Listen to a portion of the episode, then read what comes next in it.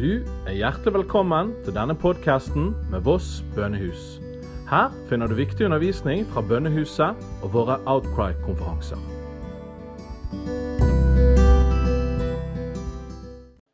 I dag skal jeg snakke om bønn fra himmelsk perspektiv. Eh, Mitt navn er Øystein Hilleren. Jeg er 38 år, bor på Voss. Jeg er leder for Voss bønehus. Voss bønehus skal jeg si litt mer om etterpå. men eh, Voss bønehus det er tverrkirkelig bønehus. På Voss så snakker vi nynorsk. I hvert fall skriver det, så da heter det tverrkirkelig. Så Da kommer det folk fra forskjellige forsamlinger på Voss, og så ber vi og tilber Jesus og velsigner Voss og bygda og Vestlandet. Ja, her ser du. En drøm om 24-7 og et forvandla Voss. Vi møtes to ganger i uken, og da er det 12 timer. Så det er 24 timer i uken. Så ber vi forskjellige temaer, ber for forskjellige ting. Eh, ber for eh, styresmaktene på Voss, vi ber for eh, Norge, vi ber for Israel. Vi har lovsang og tilbedelse. Og så kommer folk og går. Så det, er ingen, det er få som er der i tolv timer i strekk, men de har gjerne en, en bønnevakt. eller Vi ber for ungdommer en time. Vi har tidebønn. Ja. Så her ser dere, Vi er på et sånt bedehus på Voss. Og så har vi jo hatt noe som heter Outcry-konferanser. Bønne- og lovsangskonferanser. Bjørn Ola Hansen kjenner kanskje noen av dere. Eh, han var der nå i 2017. Roy Godwin har vi hatt der. Vi drømmer om å se mennesker bli reist opp til bønn og tilbedelse rundt omkring på Vestlandet, og spesielt i de små bygdene. Så På den Outcry-konferansen så kommer det folk. sant? I bygdene er det kanskje to, tre, fire som ber sammen. Mange føler seg litt alene. Kanskje det er ti på gudstjeneste i statskirken. Men vi lengter etter å være sånn til inspirasjon for dem, at de kan være med å forandre bygden sin og være med og se Guds rike komme. Ja, så her ser dere, Dette er typisk sånn. Vi har gjerne en bønneleder og en lovsangsleder, og så ber og synger de i lag. Så sitter folk i salen og er med og ber. Eh, Men jeg har tenkt å fortelle dere to sånne små vitnesbyrd. For jeg har tenkt å snakke om, om bønn fra himmelsk perspektiv. Du vet det at, at bønn det er mange ting. Bønn det er både å være sammen med Jesus, det er å be til Gud, forbønn, det er å lovsynge, takke. Bønn det har mange fasetter. Bønn det handler også om å lytte til Gud, bare være nær til Gud. Noe av det jeg liker å gjøre da, i bønnehuset, det er dette her å, å lytte til Gud før vi begynner å be. Du vet, Det er så lett, og spesielt i denne tiden her, det å fokusere og be ut ifra verden sånn som vi opplever det. Våre problemer, våre utfordringer. Sant? Kjære Gud, hjelp meg i dag. Noen ganger ber jeg den bønnen. Hjelp! Det kan være en god bønn å be. Hjelp meg, Jesus. Men, men av og til så kan det være no, det er noe med å koble seg på Gud. Hva er det du gjør for noe? Gud, hva er det du ber for? Hva er det du vil jeg skal be for i dag? Gud, hva er det du ser? Hvordan ser ting ut fra ditt perspektiv? Så Forrige torsdag da, så skulle vi be for Norge i bønnehuset. Og da hadde jeg tenkt Arbeiderpartiet, De hadde landsmøte da, og jeg tenkte ja, vi må be for Arbeiderpartiets landsmøte. Og jeg, Der er det flere ting som jeg syns er veldig, veldig vanskelig og dumt. Sant? Dette med abortspørsmålet en del av, en del, og en del andre ting som de står for. Eh, på det landsmøtet skulle de liksom jobbe med. Så jeg tenkte ja, vi må be for det. Be om at de skal gjøre gode beslutninger.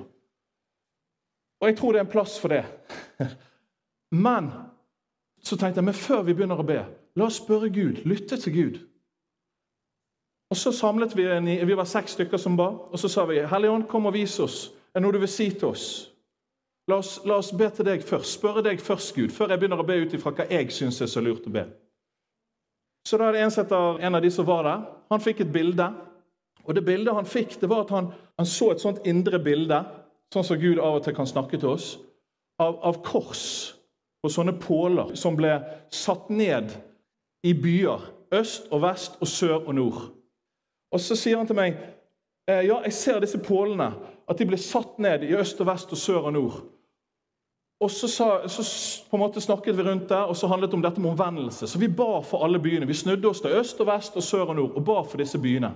At folk skulle omvende seg, at korset igjen skulle bli i sentrum i disse byene. Og at om folk skulle omvende seg til Jesus. Så, så ba vi ut ifra det vi fikk, da. Og så kommer jeg, og så, og så sier jeg til, til han eh, kameraten min så sier jeg, du, jeg jeg opplevde det at jeg så et kors i Oslo da når vi ba for Oslo. Og så, Jeg tror det er på Holmenkollen, sier jeg til, han. da. Og han bare Nei, nei, nei. Veldig tydelig med det. Det er ikke på Holmenkollen. Det er utenfor Stortinget, sier han til meg. Og jeg bare OK, greit. Og så kommer jeg hjem da, torsdag kveld. Og så går jeg på avisen, og så ser jeg samme kvelden så ser jeg her, aktivister satt opp 260 hjemmelagde kors foran Stortinget. Og jeg bare Wow! Oi! Da fikk jeg tro. Da var det sånn Oi, Gud, hva er det du driver med her? For dette var jo veldig spesielt. sant? Og så var det jo, dette Jeg forsto etterpå at dette hadde med rusreformen, som faktisk hadde med Arbeiderpartiet sitt landsmøte å gjøre. For de vedtok at de ikke ville vedta rusreformen. Og så tenkte jeg bare, fikk jeg sånn tro, sant? for da fikk jeg være med på det, det Gud drev med. Jeg ba ut ifra det Gud holdt på med når vi samles der. Et annet eksempel på det. Du kan gå til neste. Det er så spennende når du begynner å be sånn som dette. da. Eh, jeg vet ikke om dere ser hva som står her. Det var egentlig en video som jeg skulle vise dere, men jeg fikk det ikke med. Men, men jeg vet ikke om dere ser her, men her står det Ulvik Herad. Er det noen her som vet hvor Ulvik er? Ja, er det noen som vet det her? Ulvik det ligger det er nabokommunen til Voss kommune, der jeg bor. Og For ca. 1 12 måneder siden så var det et covid-utbrudd i Ulvik. Jeg har kanskje hørt om det. Hvor eh, over 140 stykker var smittet med covid. Det var så stort utbrudd. Så hele bygda var gått i lockdown. da. Og jeg opplevde det, da. Jeg ikke si det var, det var en tanke eller en, en uh, opplevelse at jeg på en, en tirsdag så skulle jeg gå jeg dra til grensen til Ulvik så skulle jeg, jeg velsigne og be for Ulvik, og så skulle jeg også be om at coviden ikke skulle spre seg til Voss kommune. Så på denne tirsdagen så dro jeg eh, til, Voss, nei, til, grensen mellom Ulvik og Voss. Det ligger her oppe på fjellet. Og Så var jeg der oppe kanskje fem minutter, eller noe sånt. Jeg opplevde jeg skulle dra dit og be. Jeg ba, eh, velsignet Ulvik, ba for de som var smittet, at de skulle bli, ikke bli skikkelig syke, at de skulle bli friske fort og at ingen flere skulle bli smittet. Så ba jeg for grensene til Voss kommune. At det ikke skulle spre seg til Voss. Ikke noe avansert bønn. Alle dere kunne bedt akkurat den bønnen. Det var ikke noe, var ikke noe sånn uh, veldig fantastisk uh, sånn uh, hadde, Ja, det var helt normal bønn. Så på, går det fem dager. Så får jeg beskjed at jeg og hele familien min er satt i karantene. Det var en søndag. Og Det viser seg da at det er en i barnehagen til, til guttene mine som da har vært der og vært smittet av covid. Og alle må gå i karantene. Alle barna må teste seg. og ja. Det som skjer, det er at alle går og tester seg. Hele barnehagen går og tester seg. Og det viser seg at hun damen da, som hadde, denne, hadde covid, hun hadde vært på den tirsdagen jeg var i Ulvik og ba. Så, og hun var fra Ulvik. Hun hadde vært i barnehagen den tirsdagen smittet. Jeg visste ingenting om dette her. Og På søndagen så testa alle seg, og på torsdagen så får vi vite at ingen i barnehagen er smittet. Det var 50 barn som var smittet. Og når jeg så på det her, så tenkte jeg Oi, Gud, du, du sa Jeg ante ikke hvorfor jeg skulle gå og be på, i, på grensen til Ulvik. Men så skjønte jeg jo det søndagen at Gud, det var jo fordi at ungene mine kunne bli smittet. Alle kunne bli smittet i barnehagen. Og Så fikk jeg være med på det Gud Gud hadde en tanke på det. Jeg vet ikke om det var akkurat den bønnen som gjorde det, eller om det var noe annet. Men det er noe med du begynner å se at Gud faktisk er i det du ber om. da. Fordi at du begynner å lytte til han. Du kobler deg på hans tanker, og ikke bare på din egen fornuft. Så det vil jeg virkelig sånn, eh, bare som en sånn oppmuntring. Så når dere ber, begynn å fokusere. Jesus, hva tenker du jeg skal be for? Hva, hva, tenker du? Hva er viktig for deg at jeg er med og ber for i dag? Begynn med det. Begynn med han. Begynn å tilbe han. Jesus, vi er sånn som vi har gjort her i dag. Jesus, vi ærer deg i dag. Så det er, det er så spennende å få være med på det Gud gjør. Og det skaper tro. Da merker dere det når vi, bare når jeg snakker om dette. Og for min del er det bare sånn åh, Gud, du gjør noe i Norge i dag. Det skal vi snakke litt mer om seinere. Nå skal vi slå opp i Matteus 6,10, dere som har med Bibel. Jeg skal snakke litt rundt dette her, som jeg allerede har snakket om. Det er mange kjente vers. Det er jo da ut ifra bønnen Jesus. Disiplene spør Jesus, lær oss å be. Er ikke det fascinerende at de spør Jesus om det? Det må jo ha vært noe i hans bønneliv. De bare Wow! Jesus, du må lære oss å be på den måten du ber. Og Første eh, verset der, det er jo Fader vår. Men så kommer det andre verset der står det 'Komme ditt rike', eller 6.10 står det 'Komme ditt rike, skje din vilje', som på jorden, som i himmelen. Akkurat sånn som jeg sa. Gud, ditt rike, det du har på hjertet, la det komme. Det er ikke liksom det jeg har på hjertet, eller 'Gud, hjelp meg med det'. Det er sånn 'Gud, kom med ditt rike'. Så Det er prinsippet ut ifra Jesus' sin bønn. Det som er i himmelen. Gud, det du har på hjertet, de, de korsene som du ville skulle komme ned, ditt, ditt rike ned på jorden. Så det å begynne med Han sant? Og Hele bønnen begynner jo med i, i Matteus 6,9.: Fader vår, Gud, pappa, du som er i himmelen. Jesus begynner bønnen sin med å fokusere på Gud. Jeg har det, Gud kaller oss spesielt i denne tiden til å rette fokus mot den Han er. Det er så lett å be og leve ut ifra vårt eget perspektiv. Det er så lett å leve ut ifra det vi ser rundt oss. Det er så menneskelig. Vi er, vi er mennesker. Men så kaller Gud oss til å fokusere på Han. Og der er tilbedelse, sånn som vi har gjort, vi har gjort i dag. Tilbe Jesus.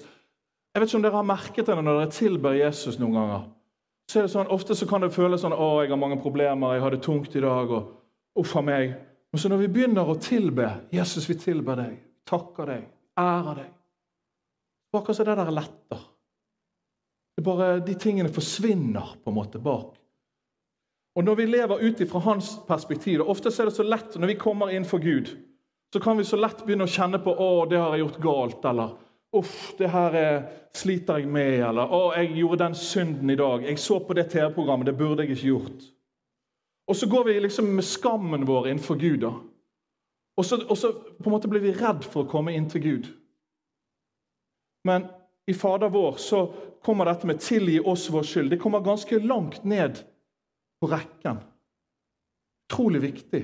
Men hvis vi kommer til Gud først 'Gud, jeg tilber deg, ærer deg, elsker deg' Og så kan Den hellige ånd, istedenfor at vi går og gransker oss sjøl hele tiden Jeg vet ikke om dere har gjort det noen gang.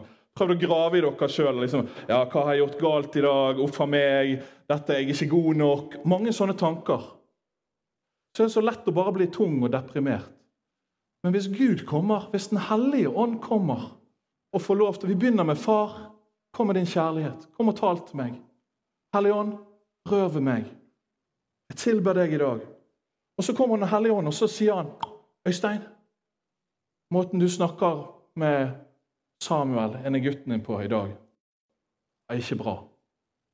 Det må du rydde opp.' Så kan det være litt tøft, det òg, men da kommer Den hellige ånd og sier det til oss. og vet du hva? Den hellige ånd den kommer alltid på en måte som er oppmuntrende, eller som er liksom oppbyggelig. Mens når vi snakker ned oss sjøl, eller ser innover, så klarer vi ikke å klarer vi ikke å se det fra Guds perspektiv. I Lukas 4, nei 11, 22, der står det 'Ha tro til Gud'. Det er egentlig litt av det jeg har snakket om allerede. Her kan det òg oversettes fra grunnteksten 'Ha Guds tro'. Hvis du oversetter det greske der. Og Det er litt av det som skjer når vi ber og spør Gud 'Hva gjør du?' Hva er ditt perspektiv? Så får vi lov å bytte. Det blir en sånn byttehandel. For min tro, sånn som dere vet Noen ganger så har jeg stor tro. Bare, yes, Jeg tror at Gud skal komme og røre ved, det, eh, ved folk i dag. Eller, å. Og noen ganger jeg vet ikke om dere har opplevd det, men jeg har vært på det, så har jeg ingen tro. så jeg ber for noen syke, og jeg har ingen tro. Det var sånn. sånn er det bare. Og så kan alltid troen vår få lov å vokse når vi hører Guds ord. og, eh, og sånne ting. Men det som er så fantastisk, det er at Når vi får begynne å koble oss på Gud og be Gud vise oss hva du gjør, og for la meg være med på det du gjør, så begynner vi å bytte ut vår egen tro med Guds tro. Så får vi Guds perspektiv. Så får vi begynne å se sånn som her at Oi, Gud, du gjør noe, faktisk. Og så blir det sånn ah, det, det er så oppmuntrende, da. Troen vokser i oss når vi får koble oss, så vi kan få ha Guds tro. Og det tenker jeg Det å ha Guds tro det i nå, nå, kan vi gå videre her. I, i, eh, det er litt forskjellig, Jeg hopper litt med tekster her. Men i, i første kongebok 18, 41-46 Og Det handler om det her. Hva perspektiv har vi når vi lever livet vårt? Hva perspektiv har vi når vi ber? Og Der står det om Elia. Og det her er etter Karmelfjellet. På Karmelfjellet så var det alle disse Balsprofetene, og han vant den, seieren over de, og ild kom fra himmelen, og det skjedde alt mulig. Og der står det I første kongebok etter dette så står det 41-48. 18, 41-48. Siden sa Elia til Ahab nå kan du gå opp og spise og drikke, for jeg hører lyden av styrtregn. Sånn? Da har det vært tørke i landet. Hvor mange her føler at det kan være litt tørke i Norge åndelig sett? Mange, sant? Gud, hva gjør du egentlig? Sant? Å, det, det, ting går liksom noen, Du hører om noe bra, men du hører om noen tunge ting. Og Sånn var det med Elia òg. Det var ikke noe regn, det var, det var tørketid. Så sier Elia til Ahab, 'Nå kan du gå og spise og drikke, for jeg hører lyden av styrtregn.' Da gikk Ahab opp for å spise og drikke. Og Elia gikk opp på toppen av Karmelfjellet og bøyde seg mot jorden med ansiktet mellom knærne. Det var litt rart. Det var akkurat som en sånn bønnestilling. da, på en måte. Så sa han til tjeneren sin, 'Gå opp og se ut mot havet.' Gutten gikk opp og så utover, men sa, 'Det er ingenting å se.' Sant? Det er sånn, Gud, hva gjør du i Norge? Hvor er vekkelsen? Hvor er, hvor er, hvor er det du gjør? Nei, jeg ser ingenting. Og så sju ganger sa Elia, gå opp igjen. Sånn, akkurat sånn som når vi ber. og sånt. Du ber for alle disse tingene. Men Gud Og så spør Gud, ja, hva ser du? Så sier jeg, se igjen, sier Elia til ham. Syvende gangen så ser, sier han eh, Ahab sier, jeg ser en liten sky, ikke større enn en menneskehånd, stige opp av havet. Da sa Elia, gå og si til Ahab at han må spenne for å kjøre ned, så regnet ikke skal hefte han. I mellomtiden mørknet himmelen til med skyer og vind, og det begynte å striregne. Ahab steg opp i vognen og kjørte til Israel. Men Herrens hånd kom over Elia. Han bandt opp skjorten og løp foran Ahab helt til Israel. Når vi ber ut fra et himmelsk perspektiv, så handler det òg om det er så lett å se på hva Gud ikke gjør. Gud, hvorfor blir ikke barnebarna mine frelst? Eller um, oh, hvorfor går mange i samfunnet går vekk fra det, Gud? Og så er det så lett å be ut ifra de tingene du ikke ser. Men så sier Gud noe annet. Sier Jesus noe annet. Og så sier Se en gang til. Se etter. Se etter hva jeg gjør. Se etter skyen. Og det, det, er sånn vi gjør i bønnehuset ofte. Åh, jeg vil være med, Istedenfor å fokusere på de negative tingene som skjer, så vil jeg se på det Gud faktisk gjør. Når jeg ser på barna mine, istedenfor å se på det negative de gjør, dårlig oppførsel Ikke det man skal liksom, eh, gi, gi retningslinjer til barna. Men jeg vil være når jeg ber for dem, så jeg vil være med Gud. Hva er det du gjør i Samuel? Samuel, min sønn, han er veldig gavmild. Hver gang noen kommer på besøk av vennene til storebroren, så gir han dem fotballkort. Eller han gir dem noe. Han vil gi dem noe hele tiden. Hans kjærlighetsspråk er å gi. Og Da prøver jeg å si Samuel, det der er åndens frukt. Det der er fra det. Det der er fra Gud. Jeg ser etter skyen, den lille skyen i Samuel. Eller her om dagen så, så snakket jeg med noen. I går, faktisk. Fredag. Så er det en som var og passet ungene våre. Så sa jeg til henne etterpå vet du hva? Jeg hører så lite om skilsmisser for tiden på Voss. Det virker som det er mindre nå enn det har vært før. Så sa jeg til henne Du, kanskje det er fordi vi driver og ber for familier og barn. Og så er det bare sånn Der har du den skyen. Ja, det er fortsatt mye greier som ikke er bra. Men jeg ser at OK, Gud. Og så når jeg ber, da Istedenfor at jeg ber Å, Gud, det er så forferdelig med alle skilsmisser på oss. Så sier jeg takk, Gud, for at det ser ut som det er mindre skilsmisser på oss. Takk, Gud, for det du gjør. Jeg velsigner det du gjør, Gud. Et rettferdig menneskes bønn har stor kraft og virkning. Du vet, Når vi kobler oss på Gud og ber inn i det han gjør, det skal ikke du se lite på. Det har stor kraft og virkning. Ikke fordi jeg er så fantastisk, men det er fordi Gud Du er med på det Gud gjør. Det er sånn som vi sier, Når barna er små, så er det med pappa på jobb. Når vi ber er med på det Gud gjør, så har det mye større kraft og virkning enn hvis jeg bare ber ut av liksom det jeg har på hjertet. Selv om Gud hører de bønnene der òg. Så se etter skyen i ditt eget liv. Og se etter skyen. Hva er det du gjør i dag, Gud? I min familie det var sånn som Jeg så, jeg hadde en, en, en fetter av meg. Ingen, ingen av mine fetter og kusiner som jeg vet om, kanskje utenom én, eh, lever med Gud. som jeg vet om. Men så så jeg var inne på Facebook hos en fetter, en av fetterne mine. Så så jeg at han hadde lagt ut en sang, en, en kristen sang av en venninne. Og Han bekjenner ikke Jesus. Men så tenker jeg, Der har du skyen igjen. Der har du den lille skyen. Så kan jeg være med og be. Takk Gud for fetteren min. Takk for at han, får, han, han legger ut en sang på Facebook som handler om deg. Så kan jeg være med å velsigne det Gud gjør i livet hans. Når vi velsigner lyset, så vokser det. Når du legger på et bål, når du legger mer pinner på bålet og blåser på det, så vokser flammene. Du vet Det er så lett å forbanne mørket. Og vet du hva, Det er ikke noe vanskelig å finne mørket. Og det finnes en plass i bønnen der vi ber i forhold til mørket. Jeg har så tro på det, altså. Å velsigne det lyset.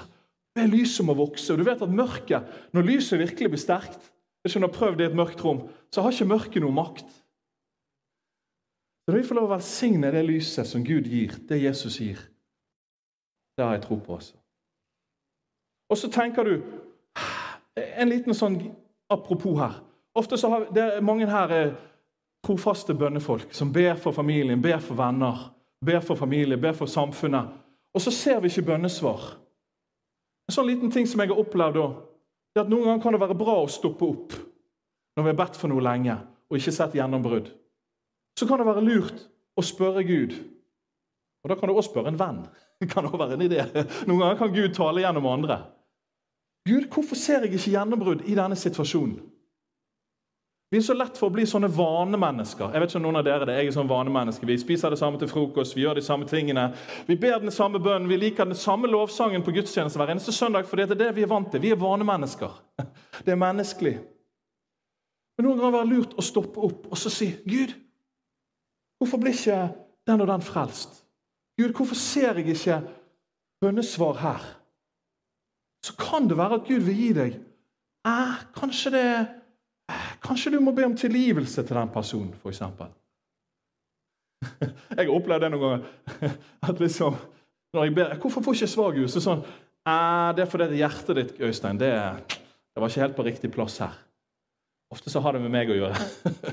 Det er litt irriterende med Gud. for Det, det er sånn, det er faktisk Den hellige ånd begynner å minne deg på at eh, din holdning overfor den personen Øystein, Derfor du ikke får bønnesvar.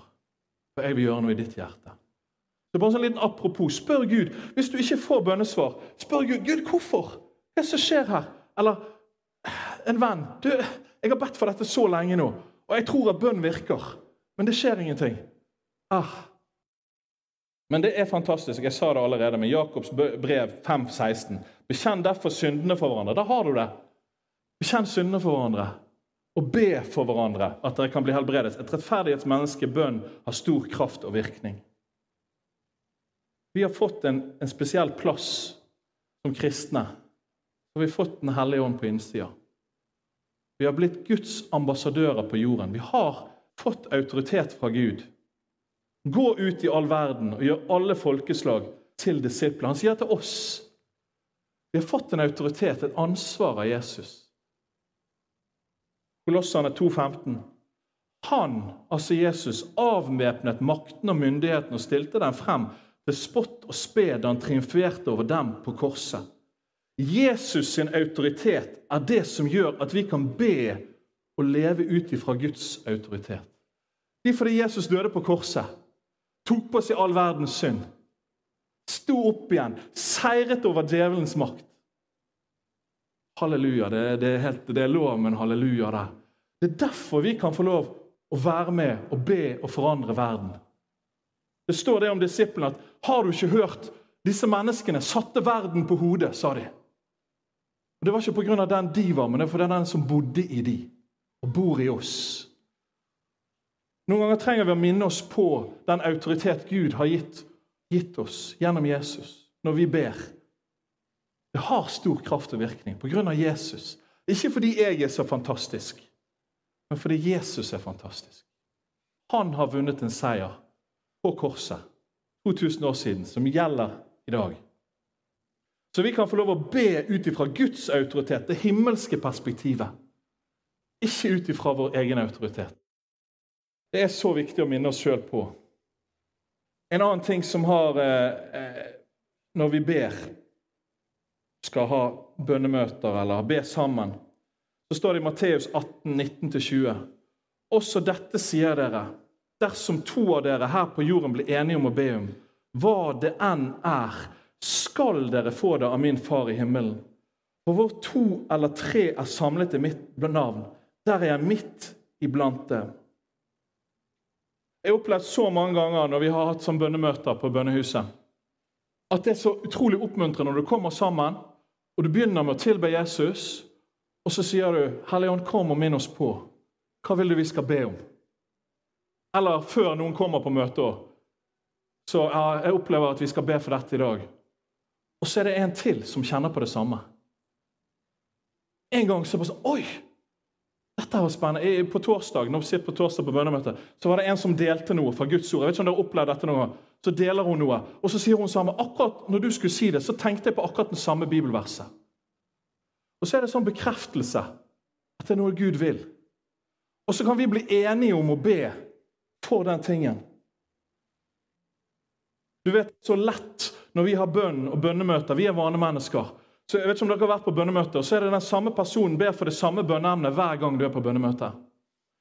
Eller en person som eh, bare elsker eh, barn og ungdom, f.eks. Jeg har en som jeg ber mye sammen med.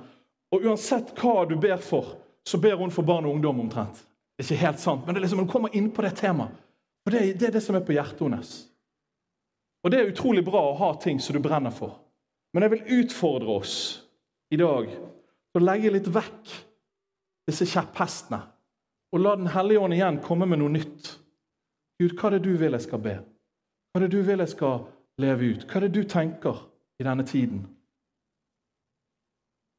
En liten sånn apropos når vi ber. Så skal det jo selvfølgelig være i tråd med Guds ord og Jesus sin lære.